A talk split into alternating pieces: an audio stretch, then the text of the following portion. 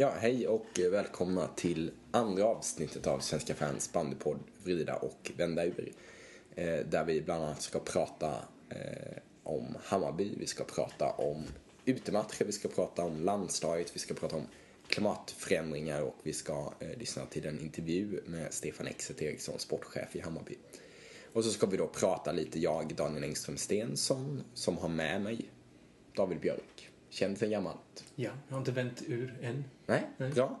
Och så en ny bekantskap i Fredrik Wiberg. Berätta, vem är du? Ja, eh, 22 år, kommer från Stockholm. Eh, Hammarbyare, säsongskort på Zinken och försöker även se en bortamatch per säsong. Bra. Vilken bortamatch blir det i år? I år siktar jag nog på Sirius. Sirius, vågat. Då ska vi över och eh, lyssna på Exit och så återkommer vi om ett litet tag.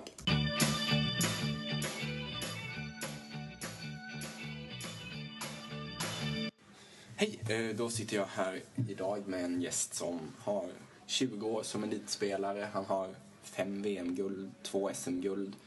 Han har varit allsångsledare, han är polis och nu också sportchef i Hammarby. Stefan Eriksson, exet, kallad välkommen. Tack så mycket, tack. Varför slutade du att spela just inför den här säsongen? Eh, Jag hade bestämt mig året, eller sista, sista säsongen att det var min sista. Eh, Kändes det som att jag hade fått vara med om det som jag ville vara med om och eh, var redo för en ny fas i livet. Göra något annat med tiden.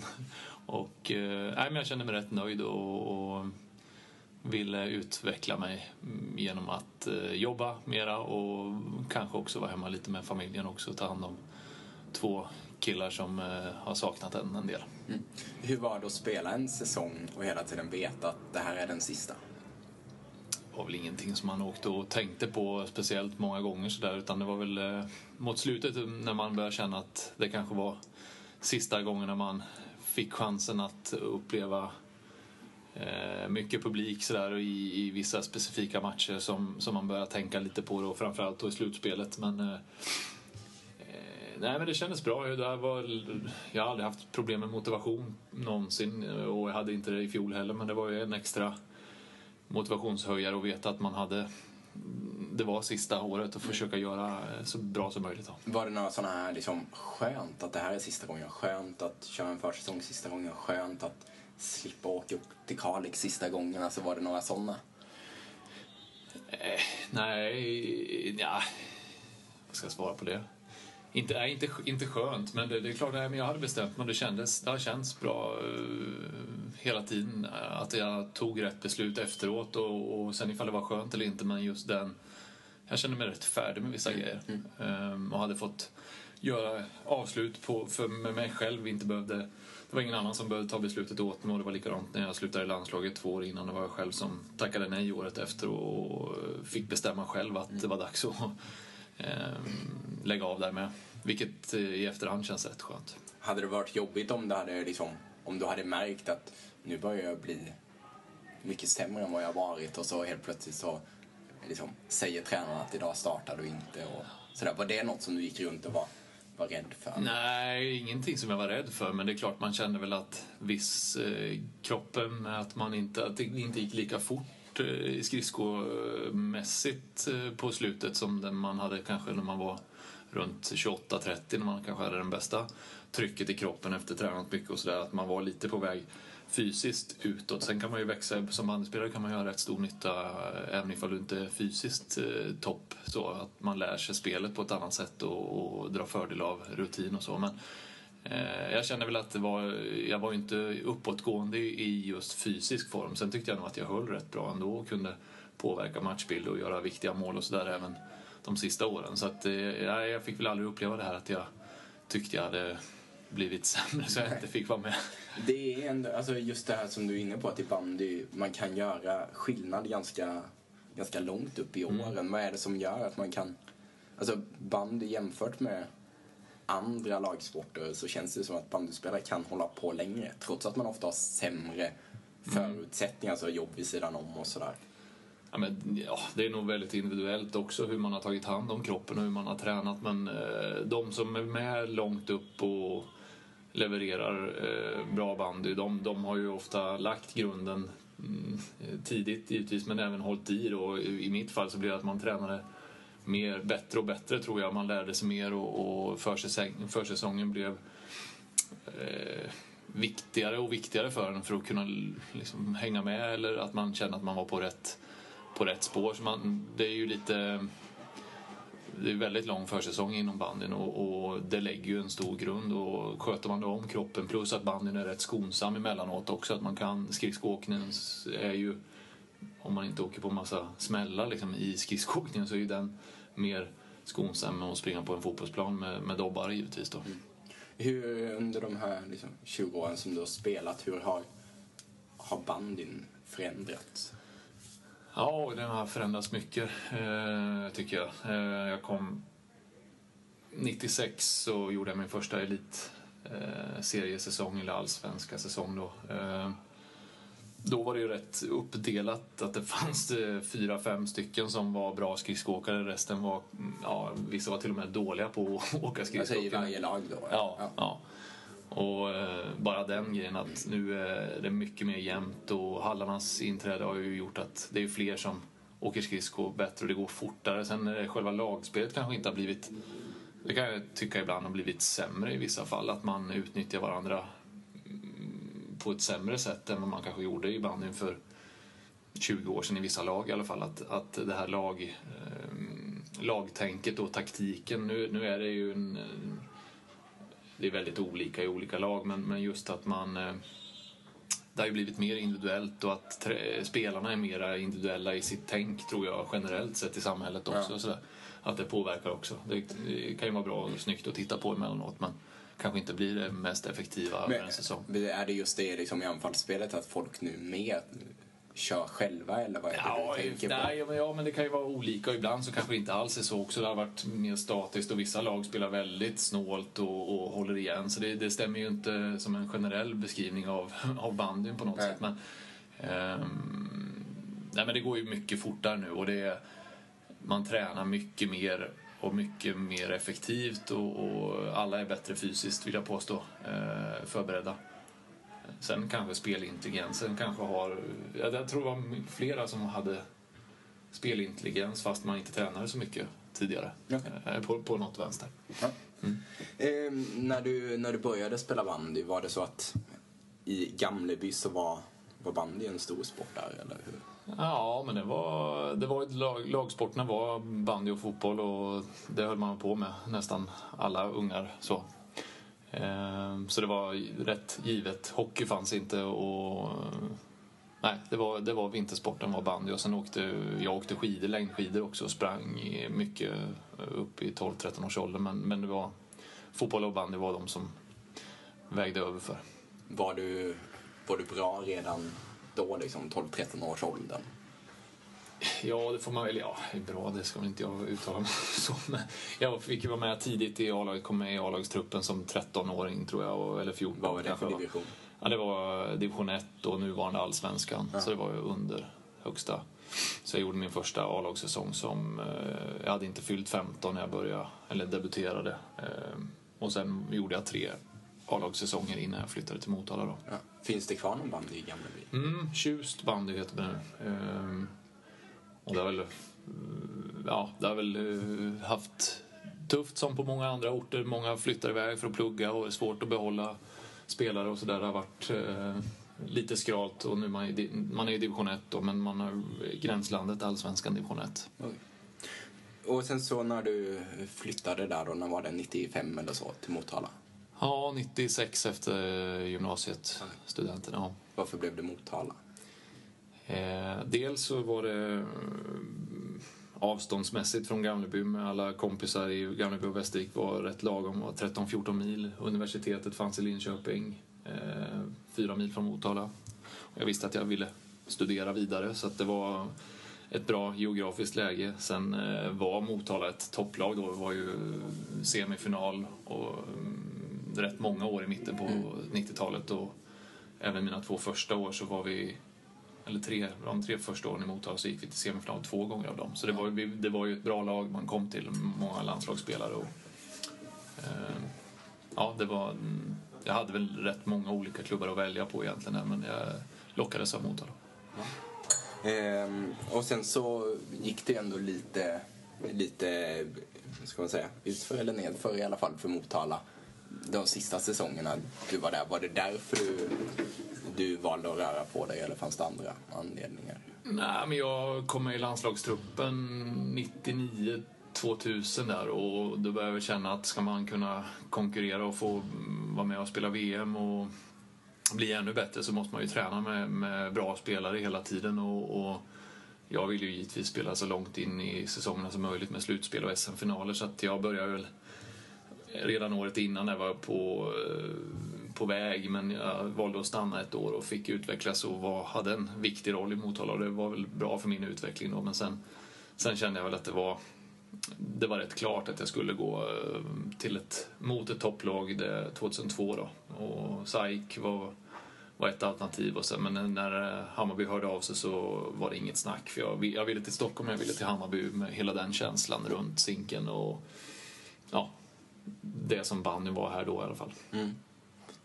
Som man nu var här då, liksom, vad är skillnaden mot, mot nu? Var det, var det hetare då? Ja, men det måste jag nog säga att det var. Eh, tyvärr. Eh, det var ju en hype ordentligt runt millennieskiftet, eh, Stockholmsbandyn här, eller med Hammarby och, och eh, Sen hur mycket publik, det är ju rätt lätt att man blir nostalgisk. Och det var ju inte alltid att det stod 4000 här och att det var i värsta ljudkulissen så när man spelade Men det var nog lite mer eh, håsat och, och um, man längtar ju efter första guldet och det här det fanns kvar en annan eh, ja, längtan just att få, få vinna och sådär. Men eh, det har ju varit säsonger därefter som har varit riktigt bra också. Men, men där i början det kändes som att det var lite mer tryck. Mm.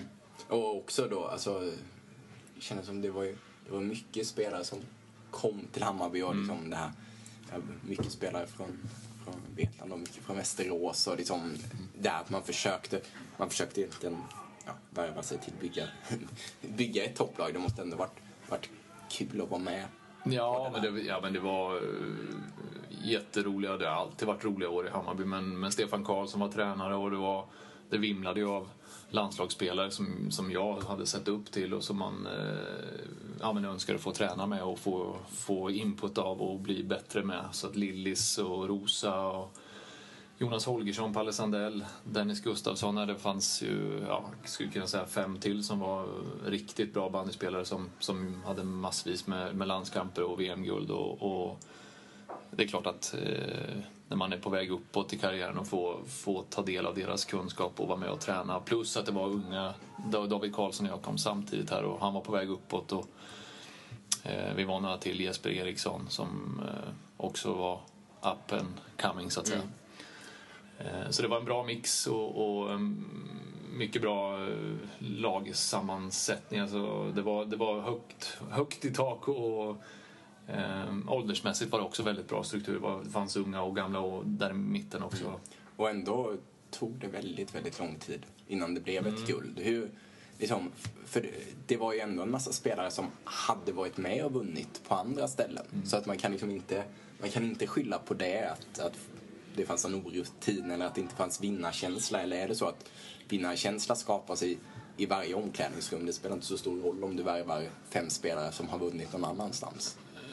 Ja, ja, nej, men så är det. Det är ju laget som man spelar just där och då i som ska göra det. Och det fanns ju, hela vägen har det ju varit bra bandlag, andra bandlag som har velat vinna guld och gjort allt i sin makt för att komma till studenterna som det var då. Och Um, någon gång kanske klubben trodde att nu var det klart att man hade en så bra trupp och att man därav skulle greja det. Men det gäller ju att göra jobbet från, från april när man börjar med försäsongen och vara verkligen förberedd på mm, ja, hela, hela resan och lägga ner jobbet. Och vi var ju nära några gånger men det var, det var lite som fattades och kanske någon gång lite otur men, men även att det inte var riktigt eh, klarlagt hur vi skulle göra när det väl brände till där ett par av finalerna utan att det var lite, inte genat kan jag inte säga, men, men att ja, vi var inte så förberedda som, förberedda som vi hade behövt att vara.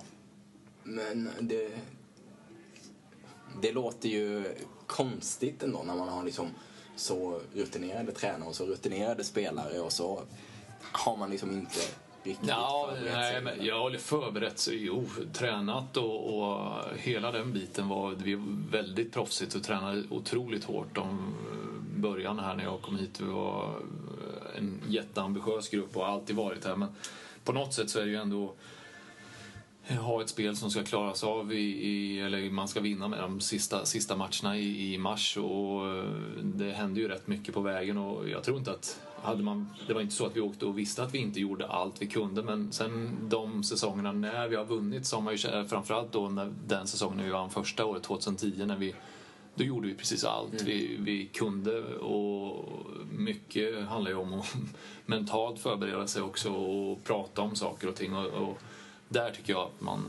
jag känner en skillnad att vi, vi var mera sammansnackade den säsongen fullt ut och kanske något av de andra åren. Vi hade en 2003-2004, då, då skulle vi ha vunnit egentligen. Men, eh, och då hade vi också gjort jättebra förberedelser. Men det, det är, ibland är det tillfälligheter och ibland är det att man kanske inte var riktigt redo för att göra den här urladdningen som det ändå ska vara sista matchen. Det där som du sa att eh, liksom, ni hade, när ni vann 2010, ni hade pratat mycket och sådär. Det är ju, jag vet inte om det är att bandyspelare är mer öppna med det, men om man jämför med andra lagsporter så känns det just det här som att man pratar väldigt mycket inom laget. Det är väldigt sällan man hör fotbollsspelare säga att men nu har vi haft ett bra snack om det här och nu är alla överens om hur vi ska spela. Och liksom allt det där som de flesta bandyspelare säger när man pratar med dem. Är det för, tror du att det är så eller är det bara så att ni, ni tycker mer om att berätta, att ni pratar om saker? Eller? Nej, jag, jag känner nog att det är väldigt viktigt att få med folk på... Det är precis som i ja, ett företag. Eller det är bra att veta vart man ska någonstans och, och ha en gemensam bild av vad vi vill åstadkomma. För att det kan ju vara väldigt bra bandyspelare samtidigt på plan men vet man inte om vad man vill göra eller ska göra då, då blir det ändå svårt att utnyttja varandra fullt ut och det straffar sig någonstans. Att, Ehm, ju mer man har samma bild av vad man vill åstadkomma ju bättre är det. Och då krävs det ju att man eh, pratar om saker och, och kommer framåt gemensamt. Och, och sen är det ju tränaren givetvis som, som är den som ska styra det mesta. Men har man med sig en stark kärna av spelare som tycker lika som tränarna och driver den saken i gruppen så tror jag att man har kommit väldigt långt. Mm. Jag vill ju gärna inbilla mig att bandy också är lite mer komplicerat än andra sporter. Det kanske krävs att man pratar lite mer. Eh, ja, det, det tycker jag. Jag håller med. Nej, men det är ju många moment och det är... eh, Nej, det är... Som sagt, det är väl kanske också en del av det här att eh, äldre kan hålla på längre och ändå vara viktiga. Att man, man, lär sig, man lär sig väldigt mycket även om åren efter 30 så kan man bidra och det är väl lite också för att det är en komplex sport och att man, eh, det tar lite tid att inte ska jag säga inte förstå, för det, det finns 18-åringar som förstår allting också direkt. Men, men att... Eh, Och vad är det som gör att den är så komplex? ja, vad är det? Nej, men det är ju många moment där det går fort och man, lagen blir ju bättre på att försvara sig och, och eh, det går inte att köra på en och samma sak eh, och det gör det väl inte i fotboll eller handboll eller någonting heller. Det måste man väl utveckla saker men jag, jag vet inte, jag har inget bra svar på det. Jag, det bara känns som att det, är- det är rätt mycket att ta hänsyn till när man spelar bandy. Ja, jag håller med Av de här finalförlusterna, jag pratade ju med eh, Kristoffer Edlund för någon vecka sedan och han beskrev just det här att efter en finalförlust hur, hur han kunde gå runt och vara liksom sur och gnällig ganska lång tid. Eh, och så, du har fyra finalförluster. Va? Hur, liksom, gick, det- gick det att vänja sig vid eh, de där förlusterna eller var du, var du lika gnällig efter varje förlust eller hanterade du det bättre? Mm, nja, det var ett par av de första. Vi var, 2004 var ju den här, jag vet inte hur väl insatta alla andra i det, men eh, 2004 och 2007 ledde vi ju med tre mål när det var en halvtimme kvar i båda de finalerna. Och, det är klart att de, de, det tog väldigt lång tid att bli av med de förlusterna. Uh, framförallt den, den 2007, för då har man ju torskat. Det var min fjärde finaltorsk då. eh, på fyra försök och när man leder med 3-0 när det är 27 minuter kvar så ska man vinna. Och då var man rätt olycklig rätt länge faktiskt. För det kändes som att man nästan började känna den här, man kommer nog aldrig få vinna SM-guld. Och sen drog jag till Ryssland där direkt efteråt. Och det var rätt skönt att få ett break så man inte behövde det var en lite nya målsättning man satte upp. Vad är det man går och grämer sig över? Blir det såna här små situationer att hade jag hade jag passat åt vänster istället för höger så kanske vi hade fått en hörna och så hade vi gjort mål och så hade det varit 4-0 och så hade det varit klart. Eller vad är det för saker man Ja, men det kan, ja, det kan vara...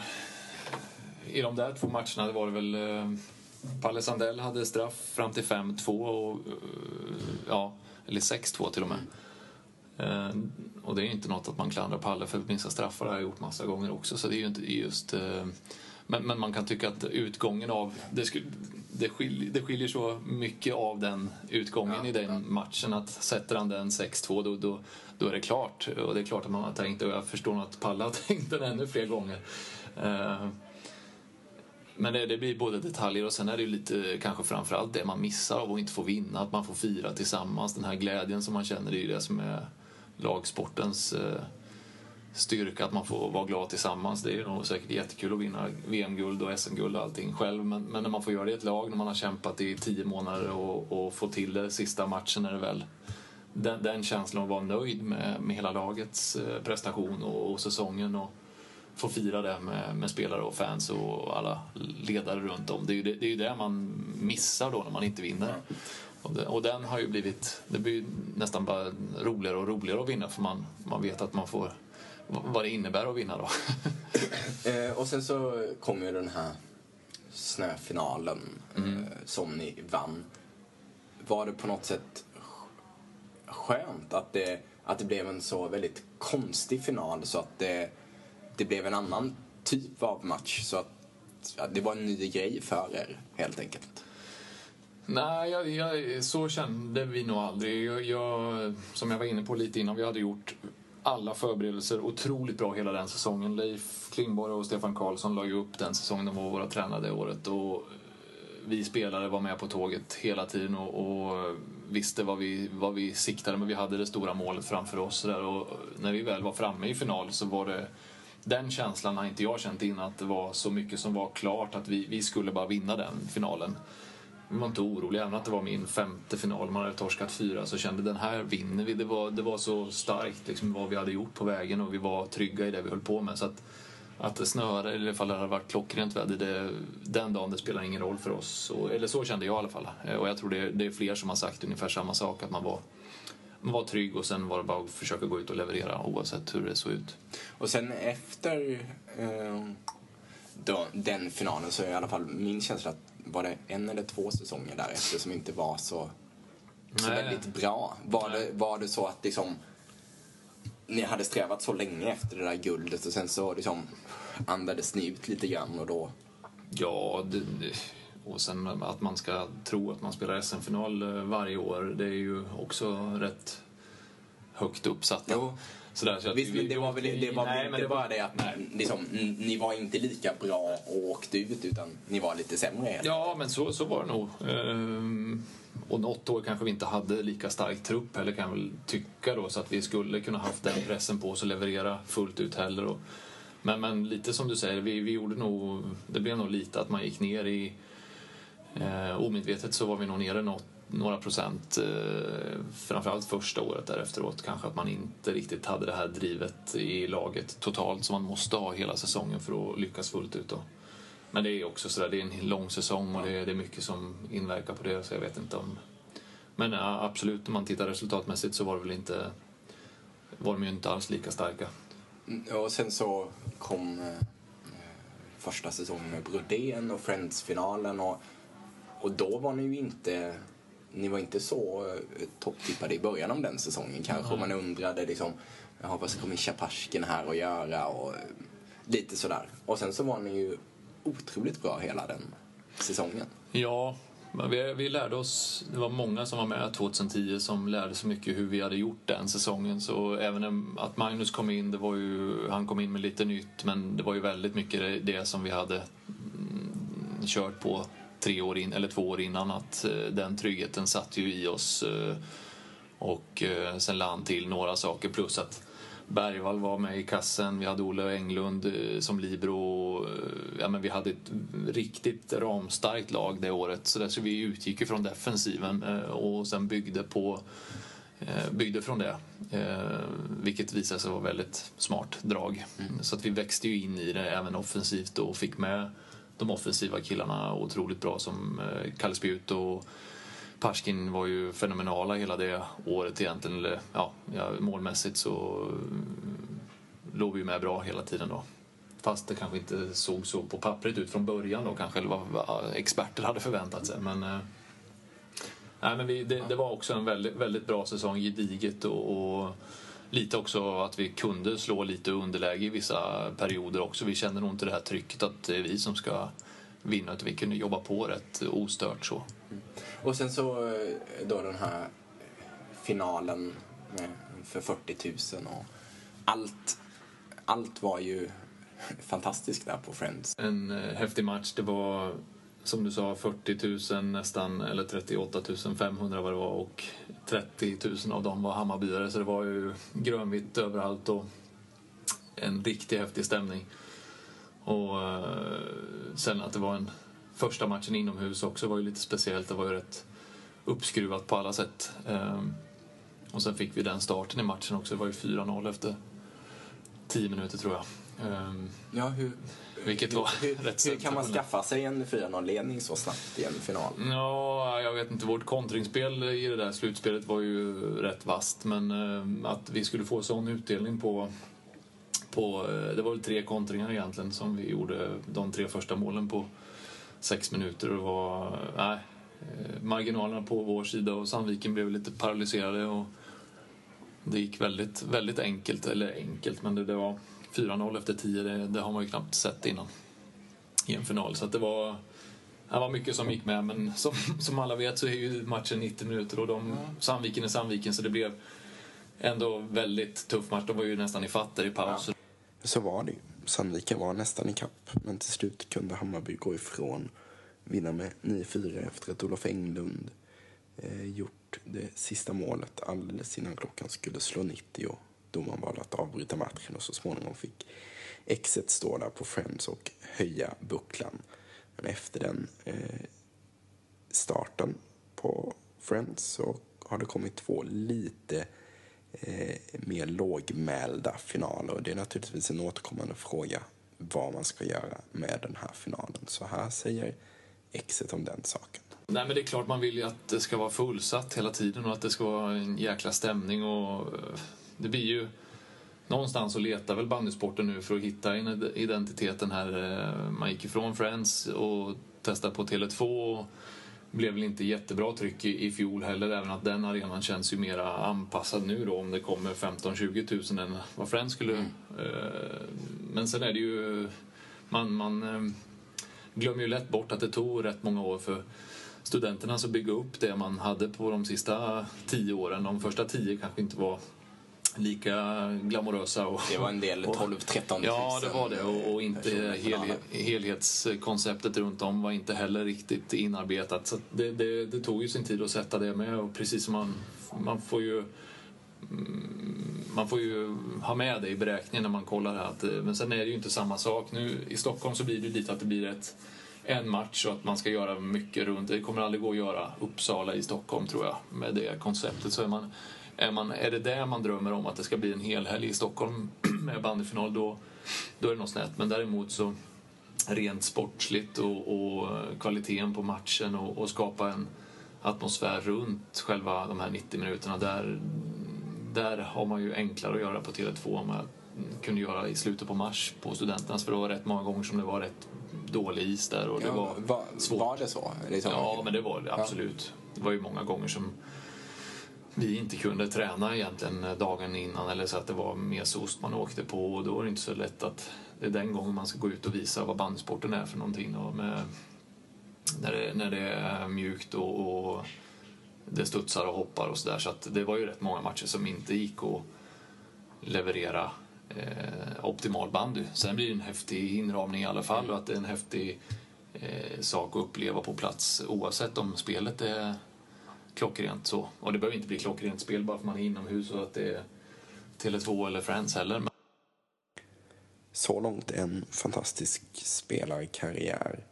Men nu har alltså exet valt att lägga skridskorna på hyllan och han fungerar numera som sportchef för Hammarby. Och då kan man ju ändå ställa sig frågan efter 20 år i elitbandyn var han inte sugen på att inte bara lägga skridskorna på hyllan utan egentligen lämna allt som har med bandy att göra. Ja, nej, men jag, jag kände nog att... För jag gick en utbildning, jag, du sa att jag var polis, eh, vilket jag var. Jag, jag sa upp mig som polis förra våren och eh, eh, det var ju ett steg i att jag ville göra något nytt eh, i det civila också. Så att jag, jag gick en utbildning, en managementutbildning på, på Handels ett år eh, hösten 13 till sommaren 2014 och efter det och funderade väl rätt mycket vad jag ville göra i, i livet i övrigt förutom att spela bandy. Men eh, kom fram till att kombinationen att få jobba med mm, Hammarby är ändå ett bolag, ett AB och det en ekonomi runt det och få, få inblick i mm, hur saker och ting förhåller sig men ändå vara kvar i sporten där, som man ändå älskar och jag tycker jag kan skapligt i alla fall. Att det var en bra kombination att få börja med när man skulle in i en ny karriär eh, efter polisen. Då. Vad gör du som sportchef? Oj. Eh, ja, men det är ju väldigt... Vi är ju inte så många som jobbar i operativt här dagligen på eh, kansliet eh, på Zinken utan det, det blir ju det är väldigt eh, Eh, många olika delar i det. Sen eh, just sportchefsuppdraget är ju i det stora från början är ju att sätta ihop eh, trupper med spelare och ledare. Ansvara för att det finns spelare och ledare i, i damlag, U20 och A-lag som jag har på mitt bord. Sen är det ju verksamheterna i sig runt de här lagen då med, i kombination med, att hit, med tränarna och komma fram lite till hur, hur man ska ta sig framåt i säsongen både rent budgetmässigt och, och vilka aktiviteter man ska göra. Så det är de, de sportsliga grejerna som, sen blir det ju rätt mycket runt det med matcher och, och titta kommande år och, och framåt och sådär. Tänka lite långsiktigt i det hela också då. Avtal, avtalsskrivning förstås då givetvis och sen är det Sen finns det jättemycket andra grejer med, jag är rätt mycket involverad i marknad och mot sponsorer och sådär också så det blir mycket ekonomi i det också. Vissa bandylag har väldigt mycket folk runt omkring sin, eh, sin organisation som stöttar upp och vissa har betydligt färre. Och, ja, det, det är väl det man, man skulle vilja se att fler klubbar tänkte mer på sin organisation i stort och, och satsade där för det kommer krävas, eh, inte bara i Hammarby utan i, i, de som har lyckats, som jag tycker Västerås och Villa som ligger nog i framkant vill jag påstå utan att känna till hundra runt det så har de ändå gjort, de har utvecklat sin organisation med antalet folk som, som, som jobbar i den vilket gör att det blir hållbart också så man inte bränner ut folk. Eh, eh, och där måste nog bandysporten tänka till för att det, det är rätt, generellt rätt få som gör mycket i bandy i Sverige. Hur ser läget ut i Hammarby? Förra, förra vintern så var det ju lite turbulent och det var eh, sänkta löner och lite allmänt rörigt. Hur ser det ut? Nej, men det, det, som bandyklubb så får man alltid jobba med sin ekonomi och det gör Hammarby också men det är betydligt bättre läge än vad det var för ett år sedan och, och bättre ordning på, på eh, koll på vad som är vad så att säga och man har en plan på ett annat sätt. Eh, sen är det stenhårt jobb och, och eh, konkurrensen här i Stockholm är ju tuff med sponsorer. Det är väldigt mycket olika andra elitlag i olika sporter. Då. då kommer vi in på det här med hallen och nu eh, eh, vet vi inte exakt vad som händer där nere i Tallikrogen men det blir ju lätt domedagskänsla att ja, men, får Stockholmsbanden ingen hall så är banden ute om fem år och sådär. Är det så illa? Nej, det tror jag inte att den är utdöd, men jag, jag, jag tror att det är svårt, och det har jag trott i fem års tid, att man ju, för varje år som går utan att man har en hall, ju, ju svårare, tuffare är det ju för ett elitlag att klara sig eh, och hänga med i toppen och, och framförallt så blir det ju extremt svårt för våra ungdomar att utvecklas och, och att man överhuvudtaget ska få kvar ungdomar som spelar bandy när de inte har träningstillfällen tillräckligt eller att ja, hänga med eh, när fler och fler lag eh, har hall. Så det blir, ju- det blir ju tuffare om du är tio år och inte har någon hall eh, mot de som då kan köra tio år i hall och sen klara seniorer. Det, det blir rätt stor skillnad. Men, men så det är, det är tvådelat det där. Det är både elit och ungdomar. Men, men det är ändå just liksom att det är så att säga kvali, kvaliteten man går miste om. För att nu, vi har bandyskola eller skridskoskola framför oss här och de, de kommer väl även om, eh, om det är utomhus. Sen är det att de får sämre förutsättningar men de kommer kanske hit och lära sig åka skridskor i alla fall. Ja, fast, jo, det tror jag. Men vet man om nu, de här små fem till åtta år som är här ute nu, de, de kanske inte tänker så. Men är du 12, 13 eller 10 eller 11 och står och väljer mellan, eh, ja, du har flera idrotter som du håller på med och sen vet du om att du inte kan få tillräckligt med träningstider på, i veckorna ens när det är riktig vinter för att det finns det finns varken eh, isyta eller eh, ja, det krockar med, med mycket annat. Eh, alla matcher ska ju spelas mer eller mindre här och, och då tas ju tiderna från någon annan. Och det är ju, så, så hallen är ju mer att man kan dels förlänga en säsong men också att man får loss mer is för att kunna erbjuda eh, barn och ungdomar mer möjligheter att träna. Och den är ju nästan mer akut än mm elitlagets möjlighet att ta sig till en SM-final vill jag påstå just här och nu. Men om fem år så kommer det inte vara lättare för ens eh, elitlaget då. Nej. Och, och då kommer man in på det här Hammarby. Liksom, hur viktigt är det för svensk bandy att Hammarby har ett elitlag eller att kanske Stockholm har ett elitlag. Det kanske vore lika, lika bra om Djurgården eller AIK hade det. Men liksom, är det viktigt för svensk bandy att det finns ett elitlag i Stockholm? Ja, men jag tror det är, det är jätteviktigt att eh, Stockholm eh, finns med på bandykartan eh, och kan också vara ett av topplagen på sikt för att det, ja, men det är väldigt mycket som kretsar runt Stockholm och, och media finns här. Eh, så att, eh, nej, det är viktigt. Jag tänker också att det eh, finns en aspekt där att eh, klubbarna ute i landet också tycker det är ganska bra att ha Hammarby för att det, det kommer lite mer folk när, när stockholmarna kommer dit och det känns lite extra viktigt att, att få slå Hammarby. Ja, det är kanske du är från Vetlanda. Så Ja. eh, För mig är det så i alla fall. Där kanske det är så. Nej, men eh, tidigare kanske det var eh, mera så när man kom med Hammarby till... Eh, jag vet, det kanske är så fortfarande, men att det har väl lite känts så att um, större kanske rivalitet mm, mot just Stockholm och att uh, det har lockat lite mer. Och sen har ju alltid, Hammarby har alltid haft ett, eller alltid, men de sista 20 åren, 15 åren så har det varit ett riktigt bra lag med många bra spelare och landslagsspelare och så där, så har det varit kvalitet i laget och, och oftast en rätt rolig bandy också så att det hör väl till också att folk kommer för, för den saken. Då. Det finns ju också ibland då en känsla av att det, liksom, att det skulle daltas med Hammarby just, just därför. Är det någonting som ni känner av också? Eller är det sånt där som frodas ut i landet? Nej, Dalt, jag vet inte på vilket sätt men... eh, Få lite... På något sätt att förbundet eh, ibland skulle bry sig lite mer om Hammarby än andra. Det har, jag har väl hört snacket innan också men jag vet inte riktigt vart, eh, om det finns något fog för det eller vilka grejer man syftar på när det daltas med Hammarby. Men det har ju varit mycket ekonomiprat innan eh, tidigare år att man har gjort något avkall men jag tror det är rätt många lag, som har suttit med samma problem så jag, jag tror inte det är bara ett, ett Hammarby-fenomen i bandy Sverige utan det är många som har haft problem och att förbundet har behövt ta hänsyn till saker och ting. Fint. Tack så mycket för att jag får sitta här och prata med dig. Tack själv.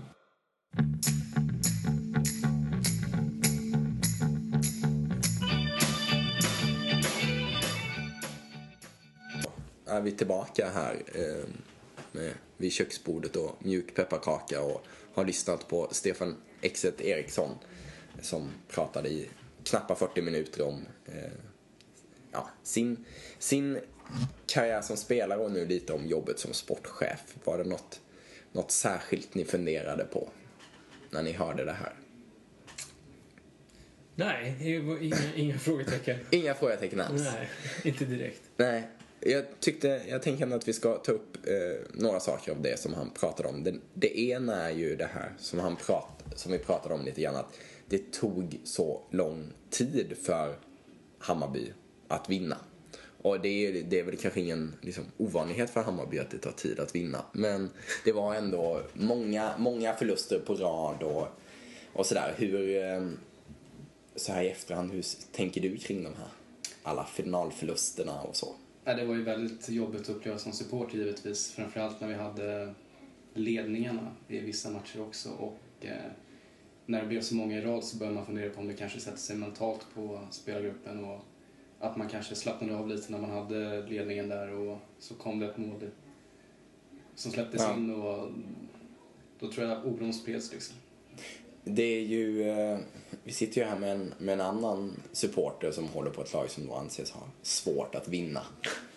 vad, eh, vad, vad tänkte du när du hörde liksom, hur exet pratade om, om den här tiden som det trots allt tog? Nej, nej, men det är väl... Det är ju någonting som vi har diskuterat i Villapodden, jag och eh, min eh, kollega Rasmus där då. Eh, Tidigare, i våras, eh, när Villa åkte ut mot Västerås och ja, eh, domedagsprofetiorna började eh, flytta upp till ytan där i, i vårt forum och sådär att eh, så gjorde jag en koll på hur lång tid det tog för Bayern eh, innan de vann sitt guld då, från det att de gick upp. Och, och även hur lång tid det tog för SAIK. Och båda lagen eh, fick ju vänta ganska länge. Det var 13 år eh, för Bayern i, slutspel innan de Mm. vann och SAIK hade 11 raka säsonger i slutspel innan de vann. Så att, eh, ja, nej jag ser inte det som, eh, det, det ser jag som eh, ett gott eh, tecken höll jag på att säga. Men eh, det är klart att eh, det, det får gärna gå fortare för, för Villa för min del, men eh, ja. För det, det som jag tänkte på när, när, när vi pratade om exet är just det här att eh, ja, man ser ju nu eh, då klubbar som gör storsatsningar, eller storsatsningar, men liksom värvar spelare, försöker bygga en trupp. Men, men de värvningarna Hammarby gjorde där kring millennieskiftet, alltså när man värvar liksom ett halvt dussin landslagsspelare som har varit med och vunnit SM-guld. Liksom man, man värvade ju in vinnarskallar verkligen och ändå så är de här med och, och, och förlorar så många finaler. Jag tycker det är fascinerande faktiskt. Mm. Eh, Och jag tycker det var spännande när Exet sa det här också. Att ja, nu, exakt hur han uttryckte sig men att ja, men vi, vi gjorde inte, inte riktigt, riktigt allt ändå. Och så funderar man på hur, hur kan det vara så? Men ja, Det är väl kanske just att det är så många olika spelare som, som inte har spelat så mycket tillsammans kanske. Att man inte har hunnit bygga upp, alltså just lagbygget är lite för splittrat. Eh, skulle kunna vara så, men eh, det behöver ju inte vara så nu givetvis. Sen när de här stora matcherna kommer så är det ju så att eh, då bör ju ledarna, ledarfigurerna ta ett större ansvar, ett visst ansvar och att de yngre som kanske var med i laget då att de kände att de, eh, de visste inte riktigt hur man skulle hantera matchen och, och att de kanske inte pushade på på det bästa sättet Nej. heller. Det, Sen, sen kan det ju också vara så att det var något, på något sätt ändå att det är annorlunda att vinna eh, ett, ett i raden av SM-guld med Västerås än att försöka vinna det här första guldet med Hammarby eftersom att Hammarby ändå, liksom, det finns en viss aura och myt kring det. Plus att det är just det här, det första guldet, för det är ju det man har i Lidköping också, att liksom, Mm. det är det här första guldet man är, man är ute efter. Ja, absolut. Men det kan säkert bli lite så som, som Exit var inne på där också, att när man har vunnit man väl har vunnit det så eh, kan tänka mig att det skulle kunna bli en liknande reaktion i Lidköping Mm. också. Att Mm. det liksom, luften går ur lite grann. eh, Ja, den dagen det väl sker, men eh, För, för, sen, för sen har man ju, om man tänker Edsbyn som, de gick till en final och så vann de den och sen så vann de fem i rad. fem i rad och sen så förlorade man den här finalen mot VSK sen har man inte varit i final igen. Det var liksom man, men det fanns väl, det fanns många förklaringar till, eh, till varför man var där. Eh, vi har varit inne lite på det liksom att Hammarby som ett lite speciellt lag ändå med eh, liksom, en- en viss historia och en viss mytbildning kring sig och det här hur viktigt Hammarby är för, för ja, svensk bandy eller liksom, hur viktigt det är att det finns ett Stockholmslag. Fredrik får komma in snart, men David, vad, hur känner du kring Hammarby? Är det viktigt att de finns eller kan bandyn klara sig lika bra med de här lite mindre orterna ute i landet?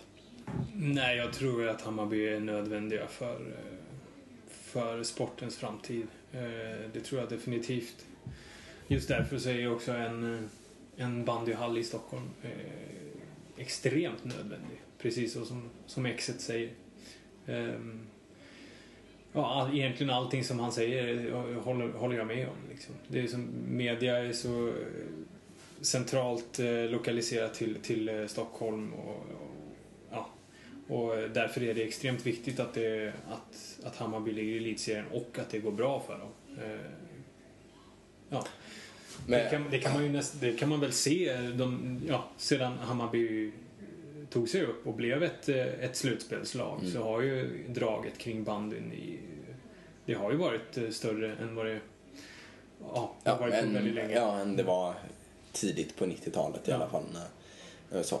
Och, och eh, sen då är man också, ja Hammarby det är lite speciellt, det är viktigt och sådär. Och så var jag exit in, eller jag ställer frågan liksom det här att är det särskilt att som Hammarby komma ut i landet, är det känner man mer rivalitet? Och så, så är det liksom Vetlanda där Dels för att vi har haft så oerhört svårt att slå Hammarby och så finns det en historia med spelare som har vandrat och sådär. Men jag känner ju verkligen att Hammarby är ju förmodligen det laget som jag allra helst skulle vilja, vilja slå liksom. Och, eh, så, är, det, är det likadant i Lidköping eller är det?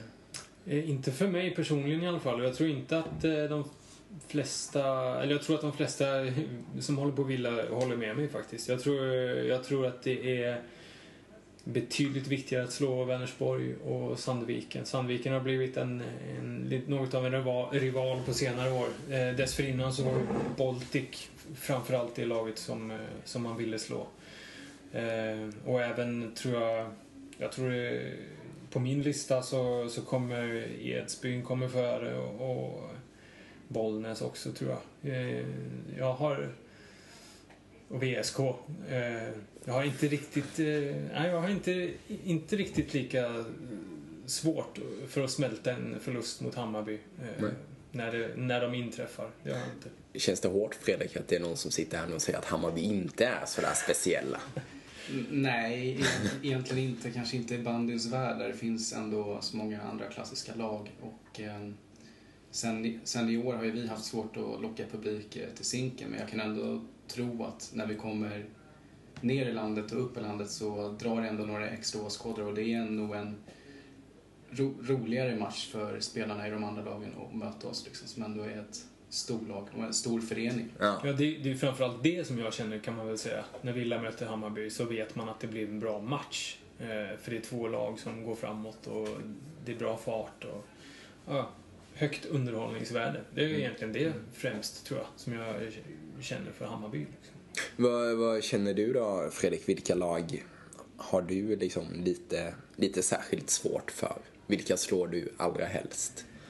Det måste jag säga är Edsbyn faktiskt. Jag har fått se ganska många förluster mot dem genom åren, både hemma och borta. Så att, eh, nej, det känns någonting extra när man kommer upp dit och vinner faktiskt. Och även knäpper till dem på zink. Ja. Det är liksom inte den, inte den klassiska rivalen men, men sånt där liksom det är ju väldigt känslobaserat vad, vad man tycker är eh, särskilt skönt. När man ändå är inne på liksom, saker man ogillar så finns det ju i, i vissa lag så finns det ju spelare som man tycker lite extra illa om kanske. Jag har ju en sån i, i Hammarby då där liksom, Adam Gilliam ju är fantastisk på att få både motståndare och motståndarpublik att bli väldigt arg och, och liksom varje gång Vetlanda möter, möter Hammarby så, så känns det ju som att Gilliam är, är alltid där och han är jobbig och jag minns särskilt den här kvartsfinalserien för något år sedan nu när han, liksom, även när det var avgjort egentligen och han liksom tredje matchen och Hammarby ledde med några mål och så var han liksom ändå där och skulle liksom härja med spelare och man, man blev så trött på honom. Däremot så är jag ju när jag går och ser Hammarby och de inte möter VBK, då tycker jag, ju... då tycker jag det är ganska kul att se Gillian för att han, att han är just på det där stället och sättet. Och det är väl just något med att det är ändå bra med spelare som liksom väcker lite känslor och sådär. Vilka är dina, vi ska inte använda hatobjekt, vilka är dina, eh, vad är det för spelare du inte gillar? Nej, men jag gillar väl eh, inte spelare som eh, håller på med annat och spelar fult och kanske snackar lite för mycket. Och eh, en sån profil som nu har lagt skridskorna på hyllan men var väl eh, Henrik Eriksson i Vänersborg som eh, framförallt i kvartsfinalserien förra året mot Hammarby betedde sig ganska dåligt och åkte ju på ett matchstraff där i fjärde semifinalstraffen också. Semifinalmatchen som straffade dem och eh, det, det förtjänade han. jag tänker ju att eh, liksom, Henrik Eriksson, Buddha från Vänersborg, Ja. är väl eh, någon som borde finnas på din lista också. Ja, det, jag hade inte tänkt på honom faktiskt förrän Fredrik nämnde honom. Eh, men han, han, är, han är ändå... Det finns en rad Vänersborgare genom åren som man haft eh, svårt för, om man säger så. Eh, eh, Anders Ulin var ju, när jag började gå på bandy för 25 år sedan, så var ju han eh, det stora eh, hatobjektet, får jag nog ändå säga faktiskt. Det var så alltså? Ja, det är verkligen. Och han, för han betedde ju sig liksom på, på ett sånt uppenbart sätt provocerande. Och slängde sig, när han gjorde mål så slängde han sig på mage framför villaklacken och sådär. Det finns liksom gamla tv-bilder på när det ser ut som att villaklacken är på väg ner, ner från läktaren och ut på isen för att ha ihjäl honom Ja, liksom. men sådär, sådär har jag fått beskrivet för mig att det var i, i Sap-arenan Adam Gilliam Ja. var där Ja. under den i kvartsfinalserien. Ja, så att, men alltså, och sen var ju även Danne Hjelm eh, spelade i Vänersborg ett tag. Pelle Fosshaug spelade i Vänersborg ett tag. Eh, Kan man sammanfatta det med att spelare i Vänersborg tycker du illa om? Ska vi bara Ja, säga lite så. Sen gick Ja. ju Danne Hjelm till Villa och då Ja, blev det. ju faktiskt... Då förlät man honom Ja, eh, lite men, grann. men visst är det lite så med de här spelarna som man tycker illa om. Det är ju också så att skulle de dra på sig liksom den gröna, gula eller blå tröjan så tycker man ganska snabbt om, Antagligen bra om dem. Då är allting förlåtet. Ja. Sen är det ju också även, som, sagt, som jag nämnde då, så var ju Baltic det där laget som man alltid ville slå förr i tiden. Och då, då fanns det ju, Ola Fredriksson var ju Ja, verkligen. inte någon favorit. Eh, och även Fredrik Rinaldo. Eh, han körde ju Nu ska över... vi inte prata illa om Fredrik Rinaldo. Fredrik Rinaldo körde över Micke Arvidsson i, i den avgörande semifinalen 1993. Så att, eh, så att Mickes Han axel hoppade spelade ur led. 93 alltså. Ja. Ja. Mickes axel hoppade ur led och Villa förlorade på straffar. Eh, Så sedan dess så har ju Rinaldo En varit... tagg i det björkska Ja. hjärtat. Nej, inte bara i Björkska. Nej, det är i, villa, I de flesta villahjärtan tror jag att Fredrik Rinaldo var ganska illa omtyckt efter det där. när, när- man hör det här så är det ju i alla fall från min sida liksom en hel del spelare från längre bak i tiden. Ligger det någonting i det här att det fanns flera av de här, ska man säga, karaktärerna som man, alltså som väckte känslor? Magnus Muren i Sandviken var väl en sån som eh, kanske inte var speciellt omtyckt på läktarna. Nej, definitivt. Och, och jag kan väl även känna att eh, Daniel Mossberg som lirar i SAIK nu eh, får några extra burop varje gång han kommer ner till sinken. Ja. Ja, men jag, ja. Jo, så är det definitivt. Eh, och på senare år så är även Jocke Svensk och Linus Forslund har jag tänkt på. Linus Forslund, ja. Och Magnus Joneby måste ju nämnas i de här Ja. sammanhangen också. Men Ja. det är kanske inte så mycket för att han är, är det är ju för att han är, på domaren hela tiden och man irriterar sig på det. Liksom. Men eh, jag lite som, för att knyta an till det du sa, så tycker jag nog ändå att du har en poäng i det där att det finns, det finns inga Pelle Fosshaugs längre och det finns ingen det finns ingen riktig Anders Ulin längre. Eh. Och ingen. Henrik Eriksson. han har också lagt av. Han, han, han var den sista. Ja. Eh, Eller så bara är det så att om när vi, när vi sätter oss här om 15 år igen så, så har vi hunnit liksom mytbilda tillräckligt kring hur, hur jobbig ja, men Jocke Svensk var. Jocke Svensk var väl en sån i en kvartsfinalserie mot, eh, mot Hammarby för något år sedan. Mot Jesper Eriksson hade han någon beef, vill jag minnas. Ingen Det här kan vi få klippa bort. Det är, det är oklart. Ja, ehm, Men eh, Adam Gideon kanske banar väg för ja, mer... eh, precis. Ja, om det är någon som har eh, Pelle Fosshaug eh, i sig eh, idag så är det väl Adam Gilliam. Ja. Mm. ja. Fast eh, de här utbrotten... Eh, Nej, han, måste, kommer- han måste lugna ner sig lite. Jag kände det i matchen mot, mot SAIK förra veckan att eh, det var lite väl onödiga utvisningar. Sånt här kan ju straffa sig, Ja. framförallt i ett slutspel, så um, då gäller det att bli mer kylig faktiskt. Ja. Ja, men det är, ju- för det är ju något, det är ju något, ändå kan jag känna något, något härligt med de här spelarna som gör att publiken liksom eldas upp verkligen. Verkligen till. Nej, men det ger en extra krydda på Ja, matcherna, det måste verkligen. vi säga. Och, uh, Det är ju en, eh, alltså jag, en, en uppenbar nackdel med hur, hur Sapa Arena är utformad är ju att där finns ju i stort sett bara läktare på, på en sida då och utvisningsbåsen är ju på den andra sidan. Så att den här härliga känslan av att få stå och smäda spelare som ska åka och sätta sig i utvisningsbåset, den försvinner ju. För det är ju, det är ju roligt och där får man ju också se liksom spelare som, som reagerar på olika sätt mot publiken. Ehm, Vilken värdelös arkitektur. Ja, verkligen. Vad vad har man, liksom, man har inget för att se, se avbytarna framför sig, det de utvisade man vill ha. Ja, nej, det, där tänkte de helt fel. Ehm, nu var vi, du var inne på hallen eh, och eh, ja, Fredrik och jag var på Zinken igår och såg två gånger fem minuter bandy och så två gånger 40 minuter iskrig. ja, iskrig, målvaktsutkast och, och liknande. Och det är ju inte så... Ja, det är ju inte så himla kul. Eller vad säger du? Det är inte speciellt charmigt och eh, jag tror inget lag vill spela i sådana förutsättningar heller. Och Hammarby har vant sig nu, eh, vant sig att bemästra det spelet. Men från läktarplats så är det ju inte roligt att titta på.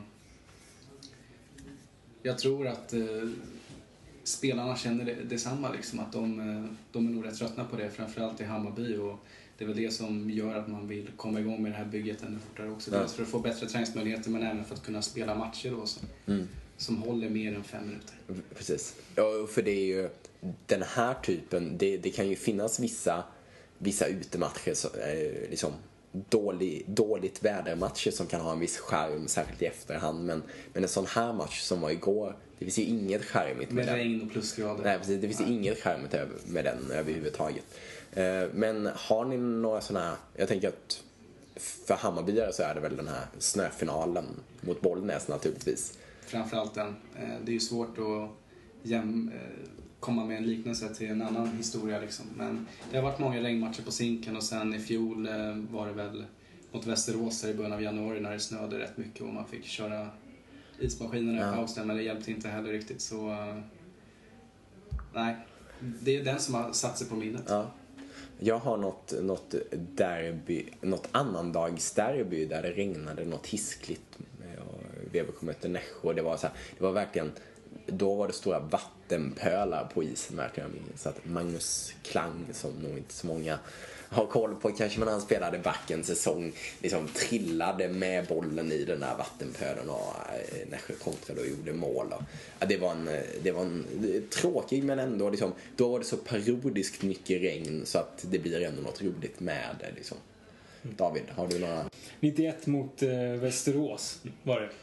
Då, eh, det var en kvartsfinalserie där Villa faktiskt hade överraskat och, och vunnit de två första. Och sen eh, förlorade borta Ja. och skulle då eh, radera ut eh, de regerande svenska mästarna, tror jag det var till och med, Ja. eh, i, eh, i den fjärde matchen på hemmaplan. Och det var ösregn. Västerås tog ledningen med 3-0. Villa gick upp till 3-2 och Christer Källqvist kom fri i slutet men fick inte med sig bollen när han skulle runda målvakten för att den fastnade i vattnet. Åh nej, åh nej. Aj, aj, aj. Så det var, ja, det var inte så här klassiskt. Sen har jag faktiskt en mot Vetlanda också. När vi ändå har en mot Hammarby så har Ja, jag en mot ja, Vetlanda. eh, väldigt. Och då, då var det snöfall. Men det var 2002. Ja. Och då, den här minns jag så tydligt därför att det stod 3-1 i halvtid. Jocke Larsson stod i, i Vetlanda då. Och han var helt omöjlig i den här matchen. Eh, och i halvtid då så röjde man undan snö på, på... Man spelade inte 3 gånger 30 av någon anledning, utan det var 2 gånger 45. Eh, man röjde undan all snö. Och när Vetlanda-spelarna kom ut eh, från omklädningsrummet så det gick så långsamt så man blev, man blev så sjukt provocerad. För de, det var så uppenbart att de verkligen ville inte att det skulle gå att spela bandy överhuvudtaget. Och matchen slutade 4-3 till Vetlanda. Så att, eh, ja. Jag har ju en, en match som jag faktiskt inte var på, som är mot Lidköping, mot Villa eh, i Vetlanda, där det var så oerhört kallt så att jag eh, gick inte dit och eh, för att sammanfatta det så ledde väl, tror jag, Villa med 9-5 med en kvart kvar och så vann överkom med 10-9. Ja. Jag hörde det framför radion. Det hade varit kul att vara där men jag tror att min, min, min influensa som jag hade då hade inte blivit bättre av, av det. Men sammanfattningsvis så är det väl ändå att ja, man kan så här i efterhand romantisera lite kring de här. Man kan säga att ja men bandy är en utesport, en- det är en del av det och sådär. Men det är ändå en ganska stor skillnad på en regnig fotbollsmatch så är det fortfarande samma sport. Mm, Men, men jag tycker att det vi såg igår, det, hade, det har ganska lite att göra med liksom, den typ av band som man är van att, van att se. Nej men det kan bli, det är som du säger, det kan bli lite glorifierat och lite trevliga anekdoter och dra så här vid ett köksbord liksom. Men att uppleva en, en regnmatch eller en snömatch i bandy live, det är ju extremt tradigt. Alltså. Och jag är fruktansvärt glad att slippa dem nu för tiden faktiskt.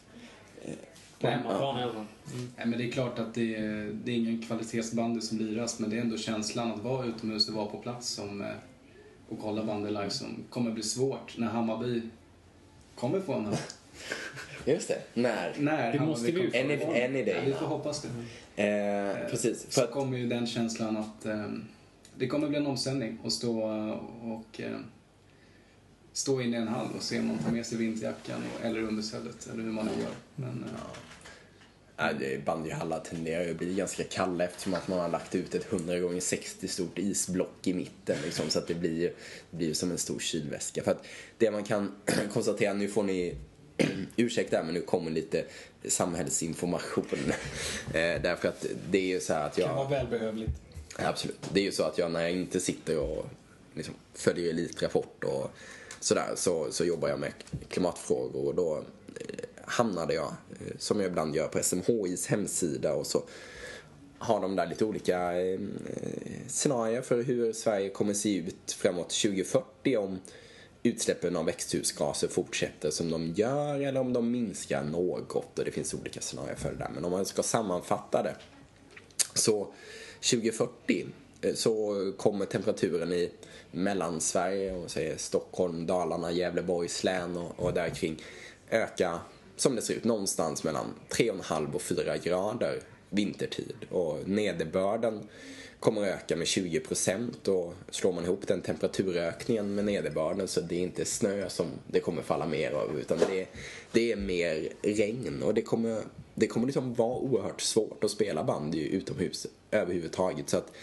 det finns ju en del som liksom vill hålla fast vid det här band som utesport och, och jag kan verkligen förstå det om man tänker två minusgrader och sol. Men saken är den att om bara 25 år, 25 år är inte så långt fram i tiden. Det är liksom, David drar eh, anekdoter från för 25 år sedan bakåt i tiden och om Ka- eh, Max Mårtensson eh, spelar bandy lika länge som Exit gjorde så kommer han i stort sett spela bandy om, om 25 år.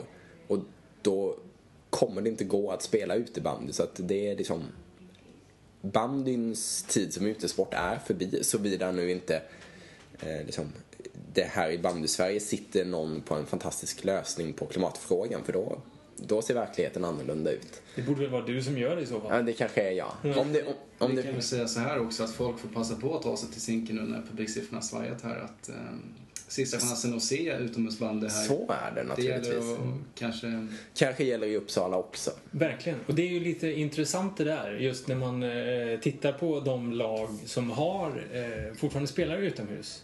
Eh, nu, nu, det här ser jag bara utifrån eget huvud och vad jag läste i tidningen här precis. Men det är ju Kungälv, Sirius, Kalix igår och Hammarby. Ja. Och de är väl tillsammans uppe i knappt 3000 åskådare igår. Ja. Och hur mycket hade Villa igår? Två och, och ett halvt. Ja. Trots 3000 sålda. Ja, eh, det där är ju också en diskussion som man kan ta. som jag har funderat på väldigt Ja. mycket. Ja. Men, eh, mm.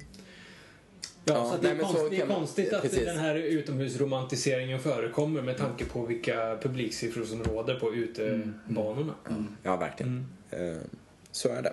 Nu ska vi prata lite, lite bandy och den där tabellen som du sitter och kikar lite på. Vi har spelat åtta omgångar, de flesta lag i alla fall.